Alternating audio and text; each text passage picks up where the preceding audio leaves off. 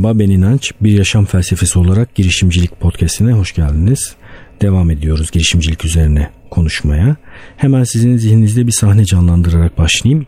Üniversitedesiniz ee, ve bir sınava hazırlandınız. Çok ağır bir sınav. İşte 2-3 gün falan sabahlayarak hazırlandınız. Sınava geldiniz, girmek üzeresiniz. Final sınavı olsun diyelim ki bu. Birden iptal olduğunu öğreniyorsunuz sınavın. Ve 2 gün sonraya atıyorlar sınavı. O anda çok enteresan bir şey vardır. Yani e, inanılmaz bir çalışma iştahı vardır içinizde. Bu duyguyu yaşamışsınızdır. Zihninizde her şey berraklaşır. Bir şeyleri yapabilir hale gelmişsinizdir. Bir yandan bir şeyler uçuşmaktadır zihninizde ve o anda sınav yapılmaktansa iki gün sonra sınav yapılmak sizin açınızdan daha verimli bir çalışma dönemi sağlayacaktır size. Çok enteresan. E, Robert Greene Master kitabında e, böyle bir duygudan bahsediyor. Özellikle diyor bir şeyin yetişme zamanına yaklaştığımızda, yetişme, yetiştirme tarihine yaklaştığımızda zihnimizde bir şeyler uçuşmaya başlar. Ee, o kadar akışkan bir haldeyizdir ki ve bir şeyleri yapabilir haldeyizdir ki inanılmaz bir gücümüz var gibi hissederiz. Odaklanmışızdır. Çok daha normal halimizden verimli, üretken ve yaratıcı bir noktada hissederiz kendimizi diyor. Master kitabında, ustalık kitabında. Peki niye bunu acaba hayatımızın her döneminde yaşamıyoruz diyor. Bu arada Robert Greene'in Mastery ustalık kitabı çok e, şiddetle önerdiğim kitaplardan bir tanesi. E, bir sürü bilim insanının yaşam öykülerinden yola çıkarak e, nasıl ustalaştığımızı anlatıyor. Ustalığın yollarını anlatıyor ve ustalığın yollarından ilk adımlarından birisi olarak da çıraklığı e, koyuyor. Çıraklık meselesi önemli. E, bizde de çıraklık müessesesi vardır. E, sonra işte kreatif aktif bir dönemden bahsediyor. ikinci dönem olarak. Üçüncü dönem olarak da ustalık döneminden bahsediyor. Bizde arada tabii başka aşamalarda var bizim kültürümüzde. Çıraklık meselesi ve çırak ruhuna sahip olmak önemli. Özellikle meslekin mesleğin ilk yıllarında bir işe başladığımız ilk yıllarda. çünkü çırak ruhuna sahip olmak şu demek öğrenmeye açık olmak demek. Ee, mesela kuaförlerde çıraklar olurdu eskiden. Eskiden daha çok olurdu sanki. Ee, benim gittiğim kuaförlerde şu an çok fazla çırağa rastlamıyorum. İlginç. Çıraklar olurdu. Ee, hala vardır muhtemelen bir şekilde bu yolla öğreniliyordur herhalde. Ve ustayı izlerlerdi çıraklar. Sadece izlerdi. Keserken, saç kesimi yaparken. Sonra tabii ben e, araştırmaya ve öğrenmeye devam ettikçe bunun faydasının ne olduğunu da anladım. Ayna nöron denilen nöronlar var biliyorsunuz. Bununla ilgili araştırmalar da var. Mesela avlanan aslanları izleyen yavru aslanlar kendileri avlanmadıkları halde beyinlerinde e, ayna nöronlar ateşleniyor. Yani bir beyinde belli bir bölge avlanırmış gibi aktif hale geliyor. Ben hep onu şöyle düşünürdüm. E, saatlerce ustasının birinin saçını kesişini izleyen bir çırak makası eline ilk aldığı anda bunu hiç izlememiş birine göre işi daha kolay olacaktır. Bir şeyler yerleşmiş olacaktır diye düşünürdüm. Ee, öğrenme teorisinde de çok yeri olan bir şey bu arada taklit yoluyla öğrenmek. Hemen hemen tüm öğrenmelerin temelinde olan bir şey. Hatta bazı şeyleri farkında olmadan öğreniyoruz taklit yoluyla öğrenirken. Ee, dolayısıyla çıraklık meselesi önemli. Özellikle mesleğe ilk başladığımız dönemlerde, e, yeni başladığımız dönemlerde çırak ruhuna sahip olmamız çok değerli. Ve en çok o ruha sahip olduğumuzda bir şeyleri öğrenir hale geliyoruz. Ben zaten bana soranlara gençler içerisinde hemen doğrudan girişime başlamayı herkese önermiyorum. Bazıları için kurumsal hayata girip bir süre bir alanı tanımak da çok değerli diye düşünüyorum. Neden çok değerli? Çünkü bir sektörün içerisinde bir alanda bir süre çalıştığınızda çok değerli bir şeye sahip oluyorsunuz. O da şu o sektörün ihtiyaçlarına, dertlerine sahip olabiliyorsunuz. Ancak sektörün içinden bir takım insanların sahip olabildiği bir bilgi türü bu. Bu da çok değerli. Çünkü siz ancak o sektör içi sıcak ihtiyaçları bir girişime dönüştürebiliyorsunuz ileride. Ee, ve ciddi bir avantaj sağlıyor size bu şeylere daha önceden sahip olmak. E, girişimciler ve startuplarla ilgili söylenen bir kavram vardır. Kavramın sahibini şu an hatırlamıyorum yine. Unfair advantage diye. Yani e, adil olmayan avantaj diye tarif edebiliriz. Mesela her gün öğren için benim kullandığım avantajlardan bir tanesi benim daha önce oyunculuk yapmış olmam, e, bir dönem sinema ile uğraşmış olmam ve hala uğraşıyor olmam, fotoğraf çekmiş olmam gibi şeyler bizim avantajlarımızdan, adil olmayan avantajlarımızdan birisi. Çünkü bu şeyleri bilen birini çalıştırmaya kalksanız, para vermeye kalksanız çok ciddi paralar vermeniz gerekir. E, ama ilk kurulan yeni aşamadaki bir girişiminde bu paraları birine ödemesi çok mümkün değildir. Bizim ekibin içerisinde bu bilgi kümesini ben bizim girişimimize ücretsiz olarak koyduğum için adil olmayan bir avantaj bizim açımızdan. Bu tarz adil olmayan avantajlar bir şekilde oluşturmamız gerekiyor girişimimizi daha iyi hale getirmek için. Harvard girişimcilik programından da bir şeyler paylaşacağımı söylemiştim size. Hemen aklıma gelmişken John Osher'ın yine kullandığı şeylerden birisi. Yaptığı tüm girişimlerde küçük de olsa bir inovasyon var. Bir inovasyonu bir ürünün ya da bir hizmetin içerisine yerleştirerek aslında kendini ayrıştırıyor. Yani herkesin yapmakta olduğu şeyleri yapmaya çalışmıyor. Yine çok önemli inovasyon kitaplarından Blue Ocean, Red Ocean, Blue Ocean ya da Blue Ocean stratejiydi galiba. Mavi Okyanus, Kırmızı Kızıl Okyanus stratejisi kitabı. Türkçe'ye de çevrildi. Çok yine startup kuranlara, girişim yapmak isteyenlere çok önerdiğim bir kitaptır. Orada Kızıl Okyanus'u şöyle tarif eder. Herkesin içinde bulunduğu yapmaya çalıştığı alanlar Kızıl Okyanuslardır der. Çünkü rekabet vardır, kanlı pazarlardır bunlar ya. Yani çok ciddi bir şekilde maliyet üzerine odaklanmışlar herkes. Maliyet düşürmeye çalışırsınız para kazanmak için der. Bu okyanusların dışında bir de mavi okyanuslar vardır. Yani kimsenin daha önce açılmadığı bir takım yeni sular da keşfedebilirsiniz. Daha önce kimsenin yapmadığı bir takım işler yaparsanız inovasyon e, oluşturursanız inovasyon, inovatif bir takım ürünler ve hizmetler geliştirirseniz. Hatta orada kitapta verdiği örnek Cirque du Soleil diye bir e, gösteri sirkidir. Gösteri grubudur daha doğrusu sirk demeyelim. E, şunu yapmıştır der Cirque du Soleil. E, sirk dünyasından bir takım unsurları almıştır. Gösteri dünyasından bir takım unsurları almıştır. Sirk dünyasındaki bir takım unsurları atıp gösteri dünyasındaki bir takım unsurlarla birleştirip ortaya yeni bir gösteri türü çıkarmıştır der. Şimdi Cirque du Soleil'in yaptığı şey aslında bir mavi okyanus oluşturmak. Çünkü yeni bir sirk yapmak Kızıl Okyanus'a girmek demek. Ya da yeni bir gösteri yapmak, bir müzikal yapmak ve sahnelemek ve bunun biletlerini satmak yine bir Kızıl Okyanus'un içerisinde bulunmak demektir. Mavi Okyanus'un ise şartlarını siz kendiniz tarif edebiliyorsunuz. Çünkü kurgulayan sizsiniz. Bazı tür işler yepyeni büyük mavi okyanuslar açar ama bazı durumlarda minimalist bir takım inovatif hareketlerde bulunmak da mümkündür. Şimdi bu kadar inovasyon inovasyon dedik. E, inovasyonu bir tarif edelim. E, her gün öğrenin bir inovasyon nedir videosu var bu arada. YouTube kanalından ona da ulaşabilirsiniz. E, inovasyonu güzel tarif eden videolardan bir tanesi. Bizim inovasyon serisinden bir video. E, ben de zaten o örneği vereceğim. Zaten benim verdiğim bir örnek olduğu için yine verebilirim herhalde. İnovasyon nedir anlatmak için benim kullandığım bir örnek. Tekerlekli bavul. Düşünün tekerlek binlerce yıldır vardı. Bavul yüzlerce yıldır var. Peki bu ikisi bir araya ne zaman gelmiş biliyor musunuz? Yani tekerlekli bavul dediğimiz o ürün ne zaman ortaya çıkmış? 80'li yıllarda.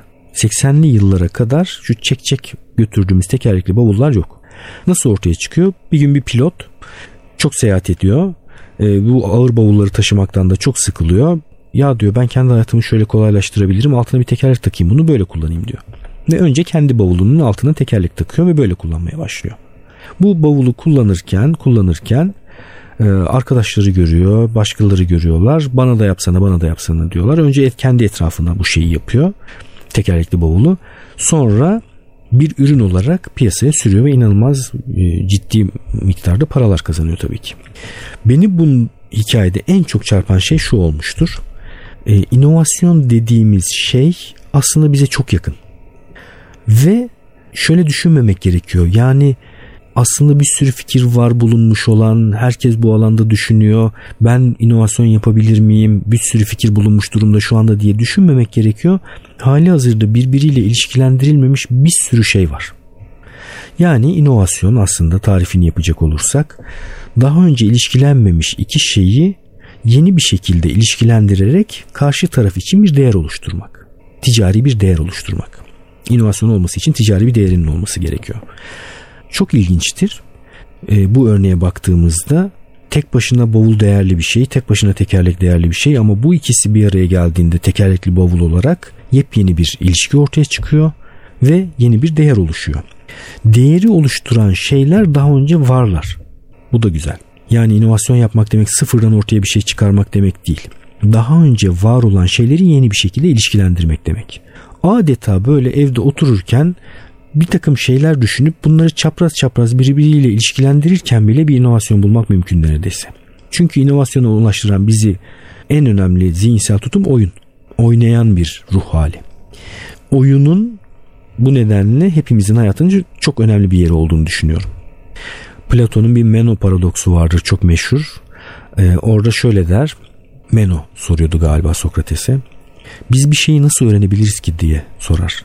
Yani eğer bir şeyi bilmiyorsak karşılaştığımızda onun aradığımız şey olduğunu nasıl bileceğiz ki onun için onu araştırmaya çıkamayız. Yola çıkamayız. Çünkü bilmediğimiz için karşılaştığımızda bunun aradığımız şey olduğunu nereden bileceğiz? Yok eğer o şeyi biliyorsak da o zaman araştırmaya gerek yok der. Çok ilginç bir öğrenme paradoksudur.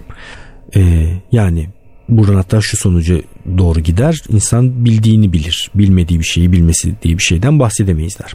Tabii ki modern bilim tarihine baktığımızda e, şöyle bir şey görüyoruz. Aslında felsefe, bilim felsefesinin şu anki pozisyonu ağırlıklı olarak bu noktada. Biz bir şeyi e, öğrenmeye çalışırken e, aslında her zaman için mutlak bir noktada değilizdir.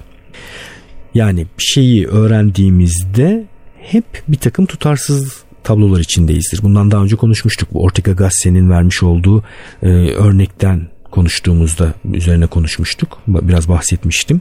Aslında bilim dediğimiz şey hep yeni soru işaretlerine doğru yol, yol almak demektir. Onun için ben bir şeyi araştırmaya başladığımda zaten mutlak bir noktada bilen noktada değilim. Yani Aristo bunu şöyle tarif eder hem biliyor hem bilmiyor gibi bir noktadayımdır. Yani bir kısmını bilirim bir takım soru işaretlerim vardır. Bildiklerimi kullanarak bilmediğim yerlere doğru genişletirim bilgimi diye düşünür. Şimdi o noktada işte yani biraz bilip biraz bilmediğiniz noktada aslında bilimsel faaliyet yürütüyorsanız yaptığınız şey oynamaktır.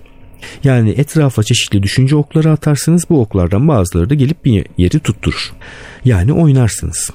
İnovasyon yaparken, ürün ve hizmet geliştirirken, inovatif bir e, ürünle, hizmetle pazara girmeye çalışırken de yaptığımız çok benzeri bir şeydir. Yani oynamamız gerekir. Mavi Okyanus Stratejisi kitabında da e, çok güzel bir yapıyla bu oynamanın yapı taşlarını verir bize. Orada dört tane eylem sunar. Azalt, arttır, yok et ve ekle gibi. Yani bir ürün ya da hizmetteki azaltacağın şeyleri düşün ya da ekleyebileceğin şeyleri düşün ya da e, çapraz ilişkilendirmeler yaparken e, e, eklenebilecek şeyleri düşün diye bir eylem çerçevesi sunar.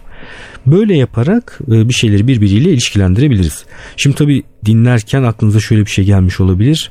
E, ya herkes yaratıcı olamaz ki yani bir takım yaratıcı insanlar bir takım inovasyonlar yapabiliyor olabilirler ama ben yaratıcı bir insan değilim diye düşünebilirsiniz. Benim karşı olduğum birçok birçok şeyde olduğu gibi bu da aşırı karşı olduğum bir tutum ve yaratıcı bir takım şeyler yaptırmaya çalışırken, atölyeler yaptırmaya çalışırken de aksini gözlemliyorum hep. İnsanlar aslında yaratıcı ve spontan başlıyorlar hayata. Gayet spontanız. İşte ne bileyim e, bebekken canınız sıkıldığında ağlarsınız. Etrafında insanlar var ayıp olur ağlamasam mı diye düşünmezsiniz ya da bir takım problemleri çözmeye çalışırsınız, keşfetmeye çalışırsınız, merak edersiniz. Çok yaratıcı bir pozisyonda başlarsınız. Sonra yavaş yavaş yavaş yavaş eğitim, aile, çevre bu yaratıcılığı sizin elinizden almaya başlar. Çok ilginç bir şekilde hele ki bizim kültürümüzde etrafınızda tonla yapma etme duyarsınız. Bazen gerçekten daralıyorum bu arada Ediz'i yetiştirirken bunları duyarken etrafımda yapmalar etmeler. Yani söylemedim şimdiye kadar ama hani içimden geçen de şu oluyor bazen. Ya bir de yapacaklarını söyle, yapabileceklerini söyle çocuğun. Neler yapsın, neler yapabilir. Çünkü yapmalar, etmeler, buket vurmalar bir süre devam ettiğinde çok enteresan bir şekilde bir süre sonra bizi kilitlemeye başlıyor. Ee, daha önce size söylemiştim ben işte yaklaşık bir 12 senedir Boğaziçi Üniversitesi Eğitim Fakültesi'nde yarı zamanlı olarak ders veriyorum. Orada verdiğim ders bir performans sanatçısı olarak öğretmen dersi. Bu dönem çok enteresan bir şey yaşadım. Ee, ben tabii kendi hayatını, kendi öğrendiklerini dersin içerisine sokmaya çalışan bir insanım. Dersi kendi çerçevesinin dışında da büyütmeye çalışıyorum mümkün olduğunca. Dolayısıyla Ediz'le olan maceralarımı da anlatıyorum sınıf içerisinde. Ee, eğitim fakültesi ağırlıklı olarak öğrenciler, eğitim fakültesinden onların üzerine düşünmeleri gereken bir takım meseleler bunlar. Derste de her hafta bir günlük yazmalarını istiyorum. Yani dersin içerisinde düşündüklerini, e, duygularını, deneyimlerini paylaşacakları yani daha doğrusu bu öğrenme yolculuğunu her hafta paylaşacakları bir günlük yazısı yazıyorlar öğrenciler. E, isterlerse kamuya açık bir şekilde yazıyorlar ya da istemiyorlarsa herkesin okumasını bana özel olarak bir link gönderiyorlar. O yazılardan bir tanesinde e, çok güzel bir şeye rastladım. Bir tane öğrencim yazmış. Demiş ki ben işte ilk defa bir çocuğu kıskandım. Ediz'i 2 yaşındaki bir çocuğu kıskandım e, imrendim. Tabii güzel bir şey olarak söylüyor bunu. Ben çünkü Ediz suluyla etrafa su saçabiliyor. E, duvarları boyayabiliyor. Annesi babası buna izin veriyor. Ama benim annem misafirlikte yediğim çimdiklerin acısını ben bilirim. E, onu yapma bunu yapma demelerinin e, acısını ben bilirim. E, böyle sürekli bana ket vuruldu. İşte bütün bunlar zihnimde dolaşırken işte bir, de Ediz'in yaptıklarını düşünürken birden kendimi Kadıköy sahilde buldum. Yağmur yağıyordu. Annem aradı, pimpirikli annem ne yaptığımı merak ettiği için hızlıca konuşup telefonu kapattım. Sonra da yağmurda o su birikintilerinin arasında koştum. Çorabımı ıslattım, ayakkabımı ıslattım, üzerime sular sıçrattım. Belki çok saçma, belki bunu yazmaya, bu günlüğe paylaşmaya ne kadar gerek var bilmiyorum ama bir yandan da işte bu, bu anın e, biraz e, tarihte kalmasını istedim çok hoşuma gitti. Beni çok özgürleştirdi. Çok teşekkür ederim. İşte Ediz'le ilgili e, eğitim maceralarınızı, öğrenme maceralarınızı paylaştığınız için demiş. Çok ilginç bir şey. Yani benim çok hoşuma gitti bu anlattığı şey. E, aslında benim size daha önce söylediğim yapmaya çalıştığım şeylerden birisi bu. Yani yetişkin eğitimini ve büyük gençlerle, büyüklerle çalışıyor olmanın e, keyfini söylemiştim kendi açımdan. Çok kısa sürede bir insanın hayatında çok köklü değişiklikler yapabiliyorsunuz. Mesela bu blog yazısını yazan öğrenci kendisi çocuk yetiştirdiğinde başka türlü bakacak artık bu meseleye. Bu arada benim gibi bakmak zorunda değil. Ama en azından ben güçlü olarak kendimi ortaya koyduğum için ve pozisyonumu ve argüman geliştirdiğim için, kendimi izah etmeye çalıştığım için eğer başka bir şey düşünüyorsa yine bunu derinlikli düşünmek, güçlü olarak sahiplenmek zorunda. Eğer bunu güçlü olarak yapmazsa çünkü benim fikrime bir şekilde ikna olmak durumunda. Yani ikisi de olur benim açımdan önemi yok. Önemli olan her ne yapıyorsa bunun üzerine düşünmüş olması, kafa patlatmış olması. Çocuk yetiştirecekse bu çok önemli bir şey çünkü kolay bir şey değil çocuk yetiştirmek. Bunun üzerine kafa patlatmış olarak yapması önemli. Şimdi düşünün ne kadar ileri yaşlara kadar aslında bizim üzerimizde bir takım etkiler oluşturuyor. Bu yetişme biçimleri annelerimizin, babalarımızın, dedelerimizin, anneannelerimizin bizim üzerimizdeki bir takım söylediği şeyler. Yani çok dikkatli olmak gerekiyor. Tabii en nihayetinde yetişkin olmak dediğimiz şey ben onu hep söylerim. Bir noktada durup ben kimim, nasıl biriyim, niye böyle biriyim, benim böyle biri olmamın üzerinde kimlerin etkileri var, okulumun, öğretmenlerimin, ülkemin, konuştuğum dilin, arkadaşlarımın kimlerin etkileri var? Ve nasıl bir şey bu, bu etki? Ve beni nasıl biri yaptı? Ben bu şeye onay veriyor muyum? Yoksa bu şeyin onay verdiğim parçaları var ama bazı onay vermediğim parçaları da var mı? diye düşünüp bir yetişkinin aslında kendisini yeni baştan inşa etmesi gerekiyor. Depresyon geçirenler varsa aramızda bu arada. Depresyon geçiren biri de bu podcast'i niye dinlesin? Var ama olabilir bu arada. Varsa eğer e, iyi bir haberim var. Aslında depresyon şöyle de tarif ediliyor. Bir ben projesinin iflas etmesi demek. Yani bir fırsat. Sizin o ana kadar kurgulamış olduğunuz ya da birileri tarafından kurgulanmış olan o benlik dediğimiz şey artık hayatla mücadele edemiyor ve iflas ediyor. Sizin yapmanız gereken şey yeni bir ben projesi inşa etmek. Yetişkin olmak dediğimiz şeydi bu. Depresyon yaşamanıza gerek yok. Canınız sıkkın, tadınız kaçık. E, demek ki çalışmayan, yürümeyen bir şeyler var. İşaret konusunu hatırlayın. Bu size bir işaret gönderiyor. Bu tatsızlık, huzursuzluk, keyifsizlik. Yanlış bir şeyin içindesin diyor. İşte orada bir takım küçük ayarlarla, bazen büyük ayarlarla e, yeni bir şey, yeni bir kurgu oluşturmak mümkün. Yaratıcılığa dönecek olursak bu büyük bir bahane. Ben yaratıcı değilim ki bahanesi bahane. Gerçi bahane demeyelim yani hakikaten o kadar çok yaratıcı olan eylemlerine ket vurulmuş insan var ki kendisinin yaratıcı olmadığını düşünebilen, düşünebiliyor olabilir. Yok böyle bir şey.